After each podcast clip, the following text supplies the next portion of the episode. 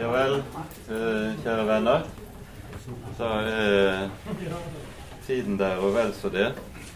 Eh, å få til eh, løst de tekniske mysterier, det viste seg særdeles vanskelig. Så da må Torbjørn klare seg uten sin powerpoint denne gangen. Men jeg tror det går bra. Hjertelig velkommen til eh, Kvällens FBB-möte, där tematiken är det som har med Paulus tal om det att vara fri från loven. Vad ligger det egentligen i det? Och när vi har tagit upp, uh, valt denna tematiken så är det ju delvis på grund av att uh, den tid vi lever i, och den kirkevirkelighet som vi lever i, den är i ökande grad antinomistisk samtidigt som vi har denne eh, dobbelthet i Det nye testamentet, et simul, også på dette området. Både fri fra loven og samtidig bundet av loven.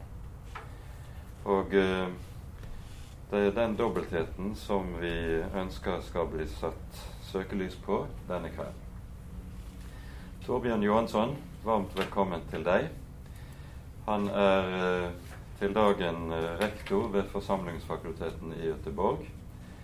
Eh, lektor i eh, dogmatik, Har skrivit sin doktoravhandling på Augustinreceptionen under reformationen.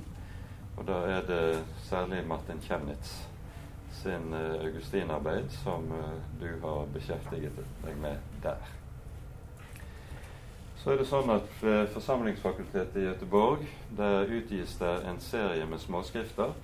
Og et av de siste av disse de han tok opp nettopp denne tematikken.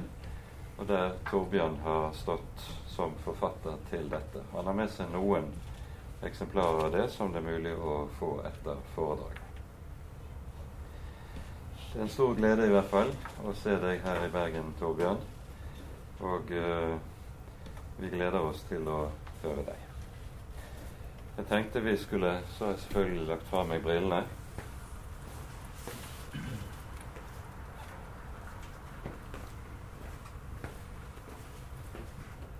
Jeg tenkte jeg vil innlede med to tekster fra Det nye testamentet. Og det første fra Galaterbrevets fjerde kapittel i Jesu navn. Da tidens fylde kom, utsendte Gud sin sønn, født av en kvinne, født under loven, for at han skulle kjøpe dem fri som var under loven, så vi skulle få barnekår. Og så er det et grunntema i det fjerde kapittelet i Galaterbrevet. Dette store spørsmål lever en under loven eller under evangeliet. Og det er helt klart at hos Paulus er dette et enten-eller. Så har vi også Paulus tale i Romerbrevets syvende kapittel, der det sies slik i det fjerde verset. Mine brødre, slik døde også dere fra loven ved Kristi legeme, for at dere skal høre en annen til, ham som ble reist opp fra de døde, så vi kan bära frukt for Gud.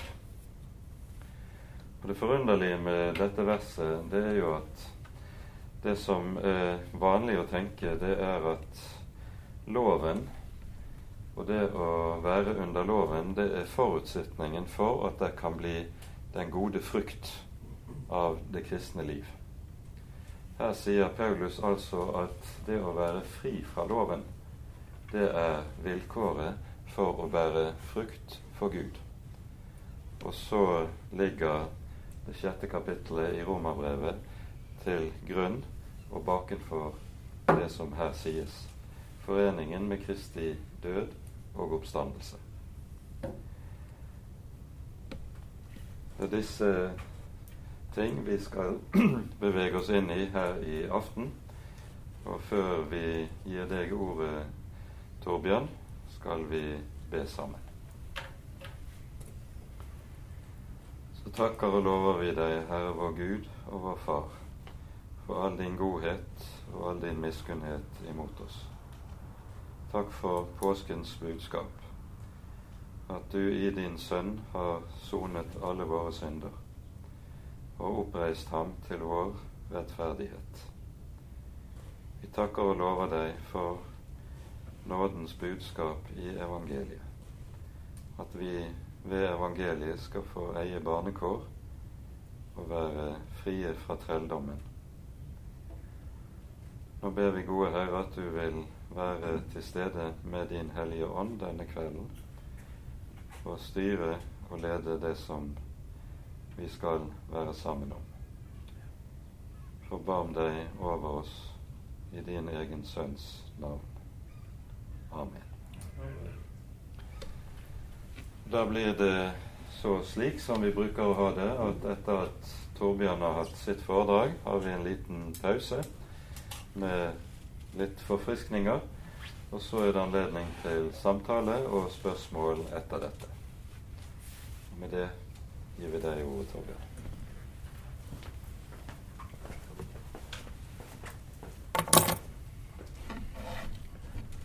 Varmt tack för inbjudan att komma hit. Det har jag glatt mig mycket över. Och eh, att träffa er och att vara samlade kring det här centrala ämnet.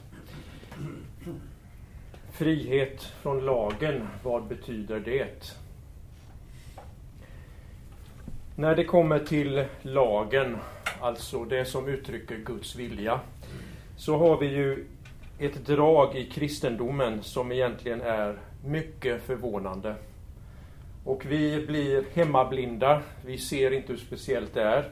Men så vitt jag förstår så är det här unikt om vi jämför med alla andra religioner. Därför att i alla andra religioner så är det en ganska enkel och jag skulle säga rak linje. Att ju mer hängiven Gud jag är, desto allvarligare tar jag också hans vilja, hans lag. Och desto närmare Gud kommer jag, desto bättre är det, desto mer from är jag. Så att viljan att följa Guds vilja, att eh, nitälska för hans lag, står så att säga i förhållandet ett till ett till din fromhet och hur du har det med Gud. Kommer vi så till Nya Testamentet så möter den stora överraskningen att den hårdaste konflikten vi möter är den mellan Jesus och fariseerna. Det är den stora kollisionen. Och denna överraskning får sin fortsättning när vi kommer till Paulus. Som säger till församlingen i Galatien att om ni går in under lagen så har ni fallit ur nåden. Så att istället för denna raka linje så är det här en linje som är som ett V. Att någonting måste dö innan det kan eh, komma upp igen. Jesus säger ju att vetekornet, när de vill göra honom till kung, så istället för att bli kung, som hade varit en rak linje, att samla skarorna och bli kung, just där säger han att vetekornet måste dö för att det ska bli liv. Så det är formen som ett V, det ska ner, något måste dö. Och på samma sätt är det i förhållande till lagen, att när den möter en människa, en syndare, så måste det till en död för att det ska bli liv.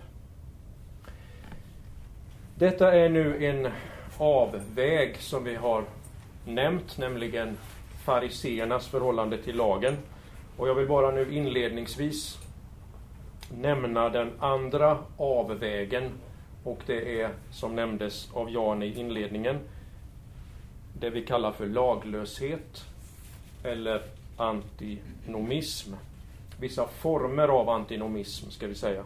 Jag ska komma tillbaka till det. Men laglösheten, det är när man helt enkelt förkastar lagen. Och vi kan här tänka på Jesu ord om att kärleken kommer att kallna eftersom laglösheten tilltar.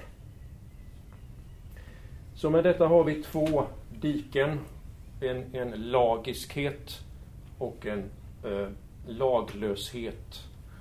Och frågan är hur vägen mellan dem ser ut.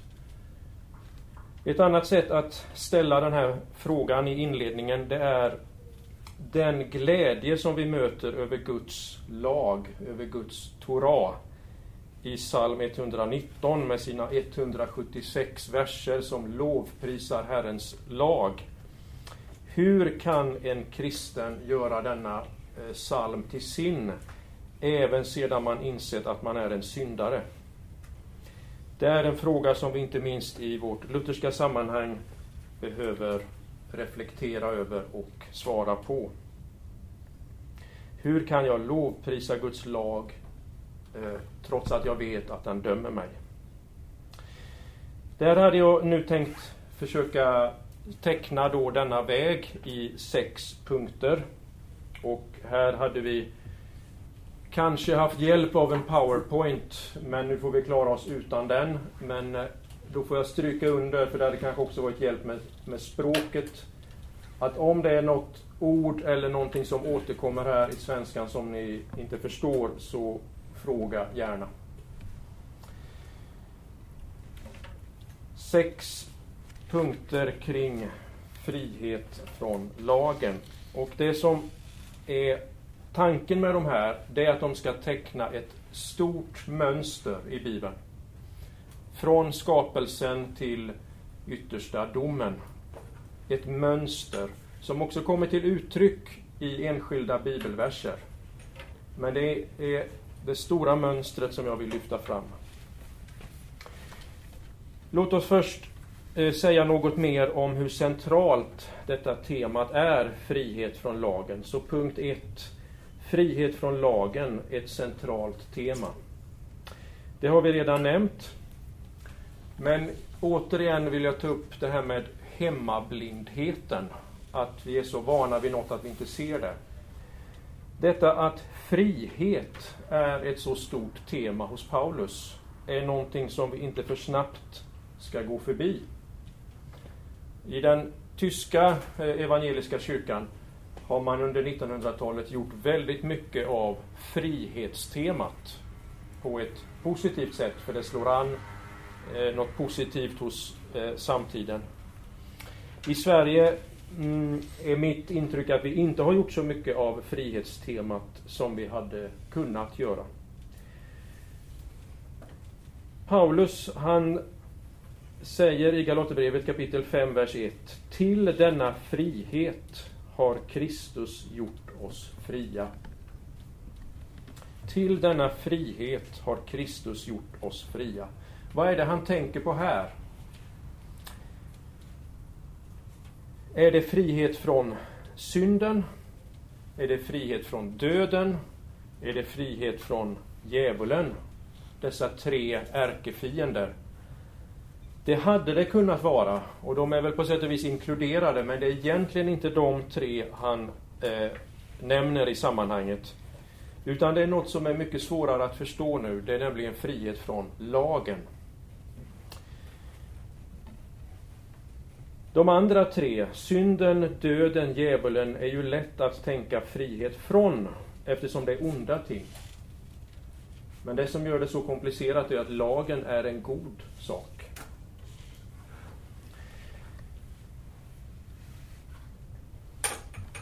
Hur ska jag få det rätt ställt med Gud? Det är där Paulus tar upp frihet från lagen. Eh, I Saltaren Vem får gå upp till ditt heliga berg? Om du vill tillräkna missgärningar, vem kan då bestå? I Apostlärningarna Hur ska jag bli frälst? Hela denna fråga, hur får jag det rätt med Gud? Det är den som Paulus uttrycker. Hur får jag det eh, ett rätt förhållande till Guds lag? Därför lagen uttrycker Guds vilja. Och här är linjen från Saltaren och Nya Testamentet och fram till Luther, som ju levde i Saltaren. Hur ska jag finna en nådig Gud? Och egentligen visste Luther svaret. För egentligen, som många av er vet, så säger han egentligen Hur ska jag bli from och finna en nådig Gud? Du ska bli from för att finna en nådig Gud, men hur ska jag bli from? Hur ska jag kunna svara mot lagen? Men jag tycker det är intressant att nämna Luther redan här, också av det skälet att hans uttryck är alltså hur ska jag finna en nådig Gud? Han säger inte bara hur ska jag finna nåd? För då hade vi kunnat tänka oss ett, ett lärosystem och så har vi frågan om nåden och rättfärdiggörelsen. Men det Luther säger är att detta går ända in till läran om Gud. Inte bara hur ska jag finna nåd, hur ska jag finna nådig Gud? Och på liknande sätt med Paulus. Om ni vill omskära er, om ni låter omskära er, så går detta ända in i deras förhållande till Kristus. Då har ni fallit ur nåden, då har ni kommit bort från Kristus.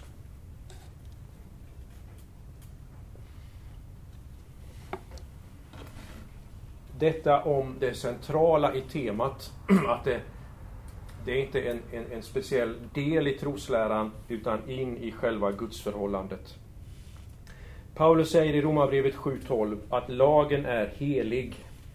Budordet är heligt, rättfärdigt och gott. Men sen är vi tillbaka i överraskningen. Han fortsätter i kapitel 9 om sina landsmän. Han säger att de nitälskar för Gud och hans lag. Och ändå så bär han en ständig vånda i sitt hjärta därför att de inte vill underordna sig rättfärdigheten från Gud. Och faran här i Galaterbrevet 4.21 sammanfattas i ett uttryck, nämligen att de ställer sig under lagen. Hypponomon. Galaterbrevet 4.21. Detta om den centrala platsen. Nu börjar vi i skapelsen. Skapelsens lag och Mose lag. Frihet är ett sånt här begrepp som fylls av sitt sammanhang. Vad det är frihet från och vad det är frihet till. Men nu har vi nästa begrepp, nämligen lag. Vad menar vi egentligen med lag? Det här är en nyckel för att komma rätt i, i ämnet. Eh, nu finns inte begreppet naturlig lag. The concept, eh, begreppet, finns inte i Bibeln. Men däremot saken. Och vad jag menar med det nu i sammanhanget, det är Guds goda vilja för människolivet. Det är den enkla definitionen av den naturliga lagen. Guds goda vilja för människolivet. Och i denna mening fanns den naturliga lagen redan vid skapelsen. När Gud skapar människan gör han det med en plan, med en avsikt för hennes liv hans goda vilja för hennes eh, tillvaro, existens. Den naturliga lagen fanns därför redan i paradiset. Den hör samman med själva skapandet. Det fanns en lag redan när Kain dödade Abel. Och för att nu tänka in lagen i skapelsen så kan vi tänka på andra begrepp såsom ordning och harmoni. Vi kan tänka på det hebreiska shalom, när allting är som det ska. Och i själva skapelseverket så råder ordning och harmoni när kaos hålls tillbaka. Årstiderna följer på vartandra. Solen, månen, stjärnorna följer sina banor. Detta kallas för att de har en lag i psalm 148, vers 6. Du gav dem en lag när allt i skapelsen går enligt sin ordning. Naturen grönskar, årstiderna växlar, djuren eh, följer sina givna mönster. Och i psalm 148 tecknas där en bild av en lovsång där hela skapelseverket lovprisar Herren. Nu är människan en del av detta skapelseverk och för oss så är nu ordning och harmoni något långt mer komplext än det är i övriga skapelsen. Den ordning och harmoni som vi skulle leva i är i det dubbla kärleksbudet. Det är vår djupaste bestämmelse. Att älska Gud över allting och vår nästa som oss själva. Det är den tanke och plan som Gud har för människan. Själva grundkoden i skapelsen av människan är kärlek till Gud och till nästan. Den är liksom invävd i livet. Det var så vi var tänkta. Och när vi ställs inför det, då avslöjar det oss också vår otillräcklighet. Vi ska komma tillbaka till det. Men först om Mose lag. Mose lag ges ju nu långt senare än skapelsens lag. Eh, och om vi återigen tar hjälp av Martin Luther så var det ju en stor fråga på reformationstiden. Hur ska man se på, på lagen? Och det som är Luthers eh, återkommande poäng är att man måste se på Mose lags adressat. Vem är den given till? Och han säger att den har getts till ett bestämt folk som Herren har kallat ut ur Egypten. Den är given till Israel och med Luthers ord så är det Israels Sachsenspiegel, alltså deras nationella lag. Det som då är viktigt för Luther och sedan för andra reformatorer som till exempel Martin Chemnitz, det är att visa att det redan i det gamla testamentets skrifter talas om ett nytt förbund. Till exempel utvecklas det här i Hebreerbrevet och även där är det viktigt för Hebreerbrevets författare att visa att detta med ett nytt förbund finns redan i det gamla. Så citeras till exempel Jeremias 31 kapitel där det sägs att Herren ska sluta ett nytt förbund med Israels hus och Judahus. Alltså något annat än Sinai-förbundet, än förbundet genom Mose. Och jag citerar från Hebreerbrevet. När han så har talat om ett nytt förbund har han därmed förklarat att det förra är föråldrat. Men det som blir gammalt och föråldrat är nära att försvinna. Och efter att det gamla förbundets gudstjänst har skildrats så sägs att det är fråga om yttre föreskrifter fram till tiden för en bättre ordning. Men nu har Kristus kommit som överste präst för det goda som vi äger. Förhållandet mellan det gamla förbundet, Sinai-förbundet, och det nya jämförs med skuggans förhållande till tinget i dess verkliga gestalt. En bild som också Paulus använder i Kolosserbrevet. Det är utifrån denna förståelse av att det finns två olika förbund som Paulus kan hävda detta egentligen eh, radikala, att de i det nya försam eh, förbundets församling är fri. De är fria från omskärelsen, de är fria från kravet att hålla högtid och sabbat på olika sätt som var stadgat i det gamla. Och det här är nu en väldigt viktig fråga när vi tänker på bibelsyn. Att bibelsyn naturligtvis gäller förlåt,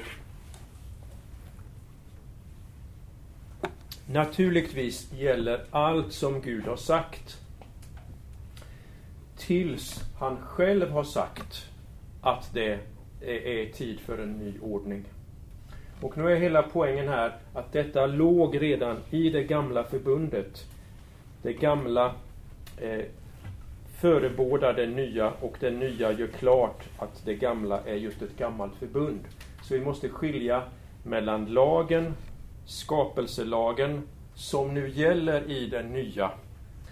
Den lag som det nya förbundets folk lever i är den naturliga lagen. Den som innebär att jag ska älska Gud över allting och min nästa som mig själv. Vi ska komma tillbaka eh, strax till ytterligare hur Mose lag och den nya förbundets lag förhåller sig till varandra och hur man exakt ska veta vad som är nya förbundets lag. Men det kommer strax. Men först en tredje punkt. Lagen och antropologin. Lagen och människosynen.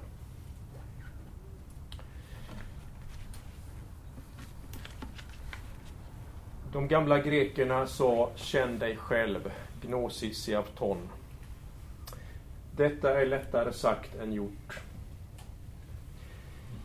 Vi vet inte egentligen vilka vi själva är. Människan är ett mysterium för sig själv.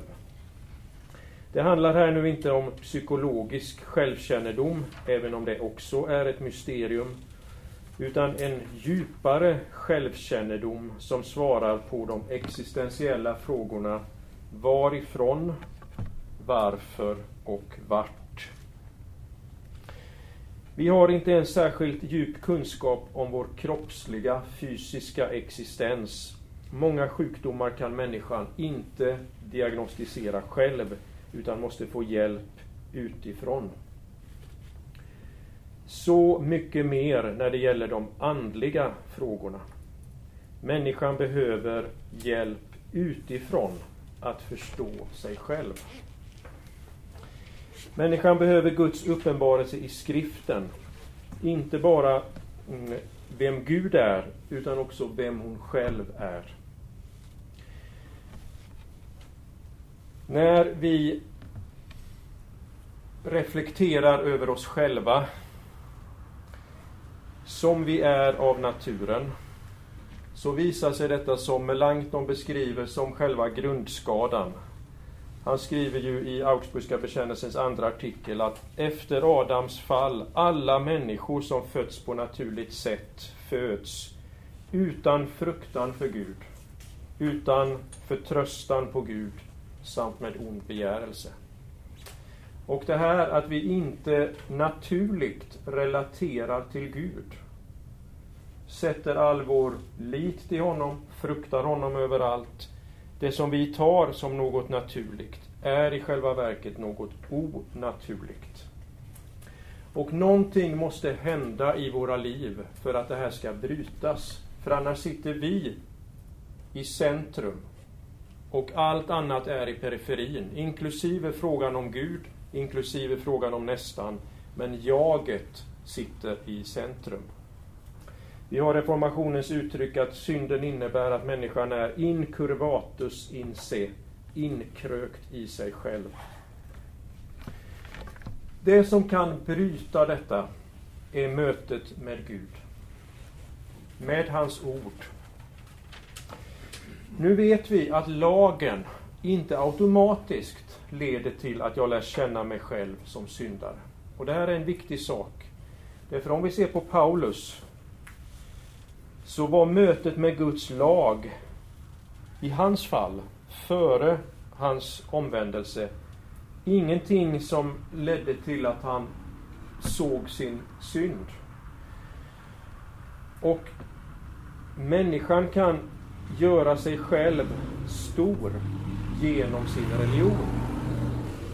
Jaget där i centrum kan bli ännu mäktigare med hjälp av religionen.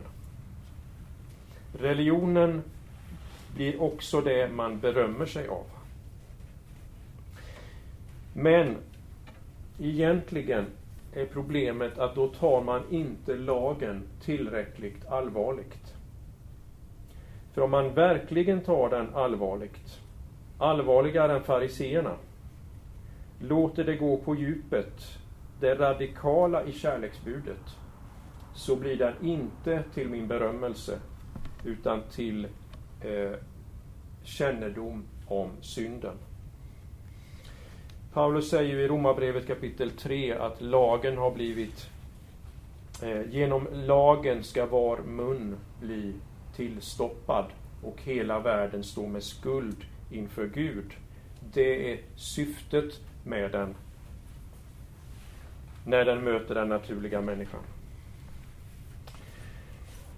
Fjärde punkten. Frihet från lagen. Rättfärdiggörelse genom tro utan gärningar. Och nu är vi framme vid centrum. Därför nu är det inte bara lagen, utan nu är det lag och evangelium. Och detta dubbla ord som går tillbaka på hurdan Gud är. Det är någonting vi uppmanas att ge akt på. Paulus säger det så i Romarbrevet 11, vers 2. Se här Guds godhet och stränghet. Alltså, se, ge akt på hans godhet och hans stränghet. Två om vi får säga så, egenskaper hos Gud som står i en spänning men som får sitt uttryck i försoningen, som får sitt yttersta uttryck på korset. Där Guds kärlek, kärlek och helighet, hans godhet, hans stränghet förenas så att i Galaterbrevet 4.4 läser vi att när tiden var fullbordad sände Gud sin son, född av kvinna och ställd under lagen.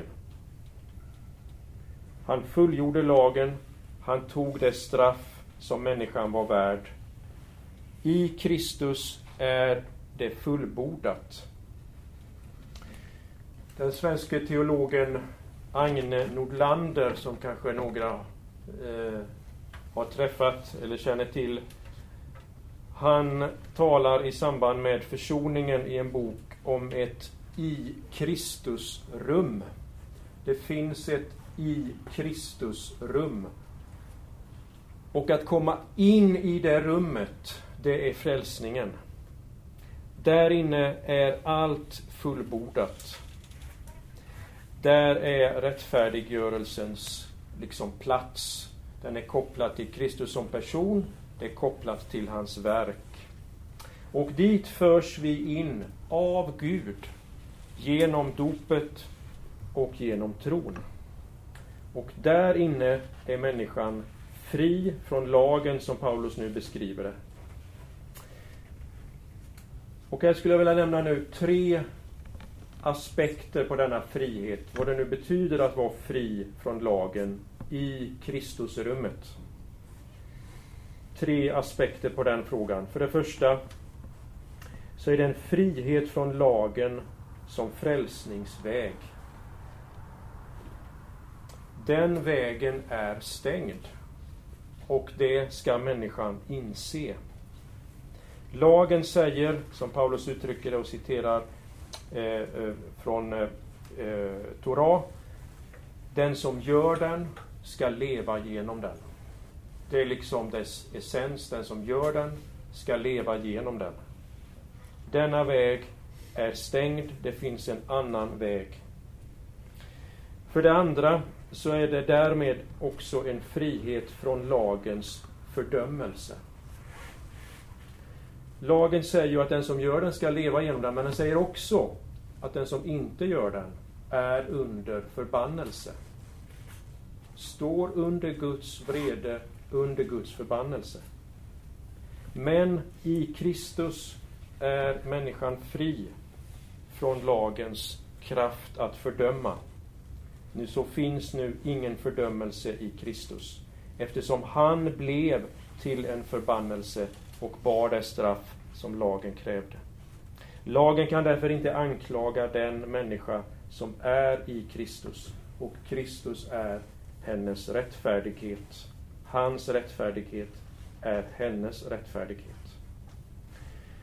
För det tredje så är detta en frihet från Mose lag. Vi har här tidigare sett att Mose lag var inte tänkt att gälla för nya förbundets församling. Det var aldrig meningen att människan skulle bli rättfärdig genom Mose lag. Och det säger Paulus också överraskande om vi nu jämför det med andra religioner i Galaterbrevet 3.19. Varför gavs då lagen? Och religionens svar på det är ju att för att vi ska göra den och bli rättfärdiga. Men Paulus svarar inte som religionen. Han säger den blev tillagd för överträdelsernas skull, för att gälla tills avkomlingen skulle träda fram, han som löftet gällde. Och här har vi också tanken att den var som en pedagog, en tuktomästare till Kristus. Femte punkten. Så görs lag gällande. Vi är nu framme vid den här paradoxen att å ena sidan är en kristen fri från lagen ur de här aspekterna jag nyss nämnde. Och samtidigt så inte bara säger Paulus att lagen gäller, utan han säger så görs den gällande. Det är nu den blir uppfylld. Detta är en väldigt viktig punkt i vår tid. För som nämndes här tidigare så är ju den stora rörelsen i våra eh, kyrkor och sammanhang att lagen förkastas. I Nya Testamentet ta, varnas för laglösheten. Jag nämnde detta om Jesus säger att kärleken kommer kallna. I Andra Thessalonikerbrevet kapitel 2 varnas det för laglöshetens människa. Här används substantivet anomia, laglöshet, som alltså är ett namn för Antikrist. Och det säger hur allvarligt det är och vilka krafter som är verksamma när man förkastar Guds lag. Men jag nämnde i inledningen också antinomism och där är förhållandet lite mer komplicerat. Det finns ju teologer som menar att Guds lag gäller. Den ska inte förkastas. Men sättet som det uppnås att vi håller den menade en del under reformationstiden att det sker inte genom att lagen predikas. De är alltså inte laglösa i den meningen att de menar att Guds lag inte skulle gälla. Utan det är sättet som vi når dit som de inte ville använda. Eh, eh de ville inte att lagen skulle predikas bland de på nyttfödda. Det är så det formuleras i Concordieformen. Concordieformen själv däremot tar avstånd från den här punkten och menar att den ska predikas också bland de på nyttfödda. Och här har vi det så kallade lagens tredje bruk, som jag nu inte tänkte gå in så mycket på vad gäller reformationstiden. Jag ska strax komma tillbaka till saken. Men det kan vi kanske komma tillbaka till eh, i frågorna efteråt. Utan jag återvänder nu till Paulus och om vi nu är bundna i nya förbundets tid och församling av det dubbla kärleksbudet, så är ju frågan hur förhåller sig det till de tio buden till exempel? Det är en mycket aktuell fråga i, i vår samtid. Då tecknar Paulus detta förhållande så att eh, buden, och han citerar Du skall inte dräpa, du ska inte begå äktenskapsbrott. De är sammanfattade i kärleksbudet. Du ska älska din nästa som dig själv.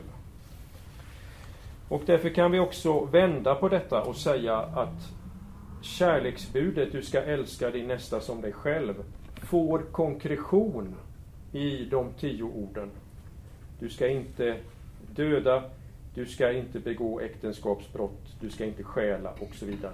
Så istället för att spela ut dem mot varandra så är de exempel på hur denna kärlek kanaliseras, hur den tar form och gestalt.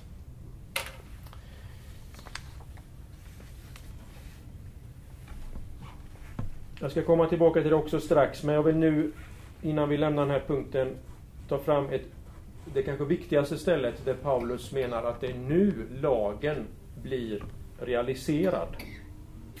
Och jag läser där ett par verser nu från Romarbrevet kapitel 8. Och det är en väldigt mm, eh, kondenserad, alltså hårt sammanpackad eh, mening Paulus har här. Men det är Romarbrevet 8, vers 2-4. Ty livets andes lag har i Kristus Jesus gjort mig fri från syndens och dödens lag. Det som var omöjligt för lagen, svag som den var genom den syndiga naturen, det gjorde Gud genom att sända sin egen son som syndoffer. Han som till det yttre var lik en människa, och i hans kropp fördömde Gud synden.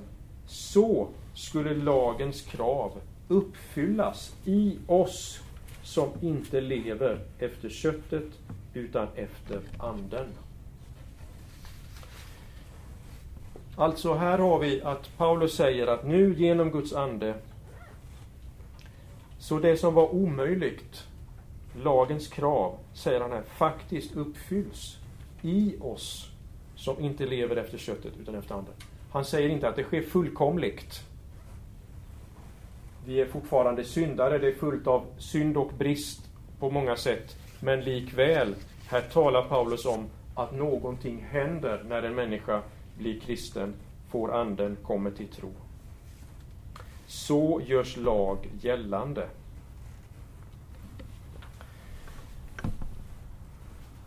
Ehm.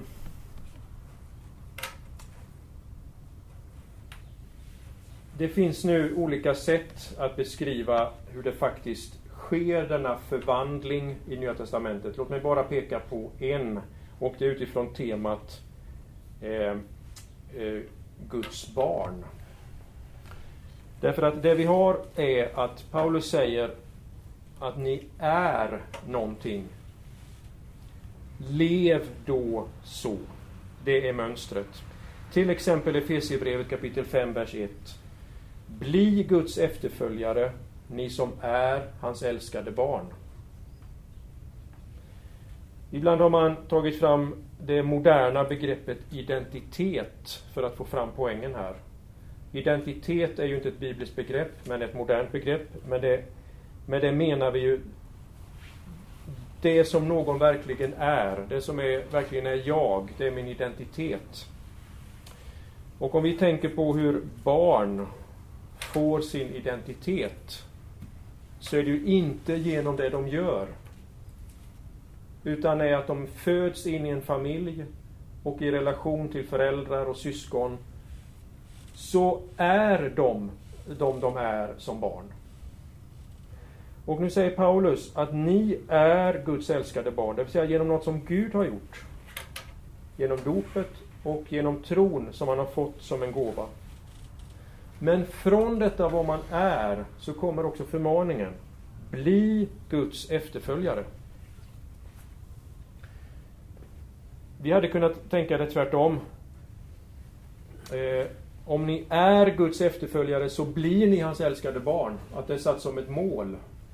Men här är det tvärtom och det är mönstret för hela Nya Testamentets förmaning. Att från det man är till det man skall göra. Lev, eller som vi har sammanfattat det, bliv det du är. Ja, den sjätte och sista punkten. Lagens vägledande funktion. För detta nya liv som vi var inne på här, som konkretiseras i buden, så tänkte jag nu återvända till frågan om Mose lag och naturlig lag och hur man har sett på det. Eh, vi har ju problemet att samtidigt som eh, Luther säger att vi ska leva enligt den naturliga lagen, så säger han att vårt hjärta, vårt samvete är så skadat och fördunklat av synden att vi inte alltid vet vad som är Guds vilja. Och hur ska vi veta vad som är hans vilja? Luther tilltror samvetet här väldigt mycket. Han har en väldigt hög syn på samvetet. Ehm, han säger ju till exempel i Jona-kommentaren om hedningarna där att han säger så här, det finns människor som förnekar att Gud finns, men deras hjärtan och samveten vet bättre. Att de djupast sett eh, känner till det och förnekar det alltså mot bättre vetande. Men likväl, Luther hänvisar inte bara till samvetet, och det tycker jag är en viktig poäng. Han hänvisar också till Bibeln. Han hänvisar till Jesu liv. Han säger att i Jesu liv ser vi det dubbla kärleksbudet fullkomligt förverkligat. Och han hänvisar till apostlarnas förmaningar i breven om konkreta eh, regler för det kristna livet. Och det är så här han ju motiverar i Lilla katekesen att han inte tar med bildförbudet, till exempel. Men för att zooma in det här, vilka bud gäller för en kristen? Och vi har här inom konfessionella eh, svårigheter. Till exempel är bildförbudet ju fortsatt en stridsfråga. Vi har med sjundedagsadventister och andra sabbatsbudet, förståendet av, av det och så vidare. Så tänkte jag ta hjälp av den andre Martin, det vill säga Martin Chemnitz. Han levde 1522 till 1586. Och eh, han utreder det här lite utförligare än vad Luther gör. Och eh, hos Chemnitz möter vi Ehm, begreppen. Han säger att det finns en morallag, en civillag och en ceremoniallag, alltså det som vi senare är vana vid. Och, eh,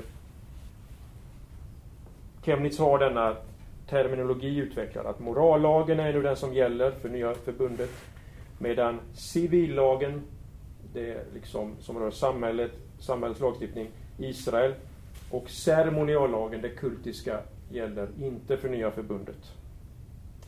Men då blir ju ändå frågan, i Mose lag, är de här tre hoptvinnade till en helhet? Och då säger Chemnitz att uppgiften är att, han säger, ta bort lindorna. Jag vet inte om ni har det på norska, som man lindar ett barn. Så ska man ta bort lindorna från morallagen. För den är liksom inlagd i ceremonial och civil lag. I Mose lag. Chemnitz menar då att metoden för detta, det är inte en godtycklig metod där vi vad vi tycker ska gälla och inte gälla. Utan hans princip, som är den lutherska, det är att det som gäller Nya Testamentets folk är det som på nytt inskärps i Nya Testamentet. Det vill säga det från Mose lag som Nya Testamentet inskärper, det är Nya Förbundets församling bundet av. Det är ju så att flera eh, också konkreta bud finns med i Nya Testamentets förmaningar i, i Paulus brev. Eh, samtidigt lägger Chemnitz då märke till att de eh, ibland modifieras. Jag ska ta ett exempel. I Andra Mosebok 20, vers 12 är budet att du ska hedra din far och din mor för att det må gå dig väl och du må länge leva i det land som Herren din Gud ger dig. I Efesiebrevet kapitel 6, vers 3 citerar Paulus att du ska hedra din far och din mor. Det gäller. Men istället för att säga som det var i Mose variant, så säger Paulus för att du ska leva länge på jorden. Och detta ser Chemnitz som ett, en transformering från det som gällde för ett bestämt folk i en bestämd situation. Du ska få det land som Herren din Gud ger dig till att gälla, få en allmän, liksom universell giltighet också utanför Israel. Och på liknande sätt så, ser, så säger Chemnitz att eh, bildförbudet upprepas inte i Nya Testamentet. Och han ser det som en eh, bestämd för Gamla förbundets folk tillämpning av det första budet. Som det eh, nya förbundets folk är fri från. Och därför finns alltså inte det med i den lutherska... Eh, ni vet de tio orden är ju aldrig numrerade i skriften. Det sägs aldrig vad som är andra, tredje, fjärde, utan det talas om de tio orden. Och eh, man har tagit det och i, i Luthers katekes finns ju inte bildförbudet med. Och det finns en teologisk, egentligen lång reflektion bakom det. Därför motfrågan till de som vill ta det direkt ur Andra Mosebok och säga vi har tagit det rakt därifrån. Då blir frågan, men varför gäller då inte fortsättningen där i Andra Mosebok 21, 22, 23? Varför ska vi inte hålla det i Nya Förbundets tid? Det är den lutherska motfrågan till sjundedagsadventister och andra. Den lutherska inställningen är istället att vi är fria från hela Mose lag. Den gällde Israel. Men det i den som uttryck för den naturliga lagen som vi får reda på genom att inskärps i Nya Testamentet, det är vi bundna till.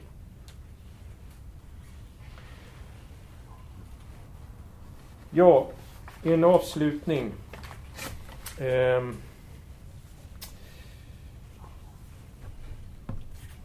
En bra beskrivning av teologins uppgift är att den ska göra en dubbel gärning. Den ska åtskilja och sedan ska den hålla samman det som har åtskilts. Den ska åtskilja och sedan ska den hålla samman det som åtskilts. Alltså att skilja på lag och evangelium men ändå hålla samman lag och evangelium. Att skilja på rättfärdiggörelse och helgelse, men ändå hålla samman rättfärdiggörelse och helgelse.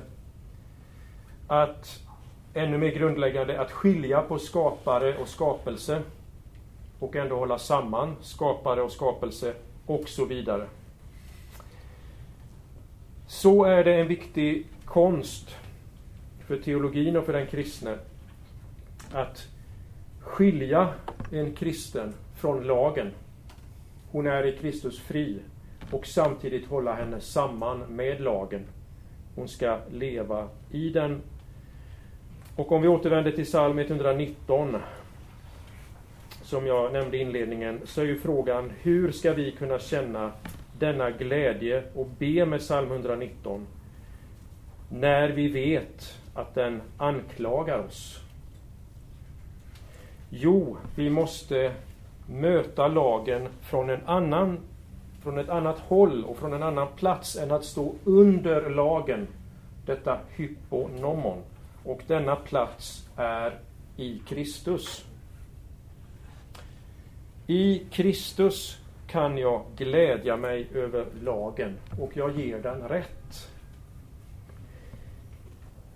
Jag ger den rätt och säger att den tecknar verkligen en ljuvlig väg för det mänskliga livet. Det är ju så jag skulle vilja leva. Jag ger den rätt när den avslöjar synden och eh, anklagar mig. Men den får då driva mig till förlåtelsen och till Kristus. Och på detta sätt kan en kristen människa glädja sig över lagen utan att bli lagisk, utan att bli laglös. En kristen människa är fri från lagens fördömelse, men inte från dess goda vägledning. Tack för uppmärksamheten.